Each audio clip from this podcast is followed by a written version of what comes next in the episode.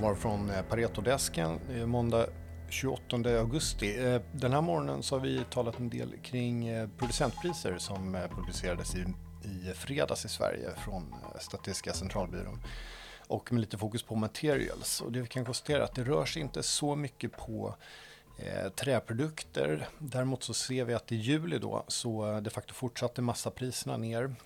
Medans eh, vi såg hushålls och hygienprodukter då, gjorda av papper fortsatte upp.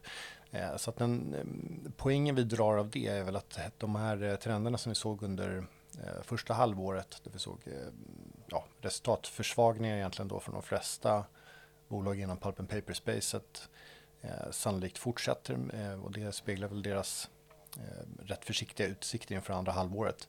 Medan vi då ser att den här spreaden mellan hygienpappersprodukter eh, och massa fortsätter att stiga. Eh, och det speglar ju de här resultatförstärkningarna vi har sett inom Essity.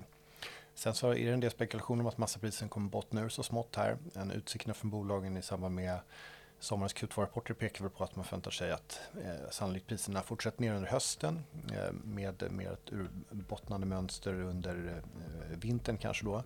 Eh, och då blir det mer fokus då för Essity att försvara sina marginaler eh, snarare än att höja priserna då. Eh, men ehm, så här långt, det vill säga då in i juli i alla fall, så ser vi att den här spreaden fortsätter och Essity är väl det bolaget som vi föredrar i det lite mer pappersrelaterade spacet i Stockholm. Då får jag önska en fortsatt trevlig måndag. Tack för idag.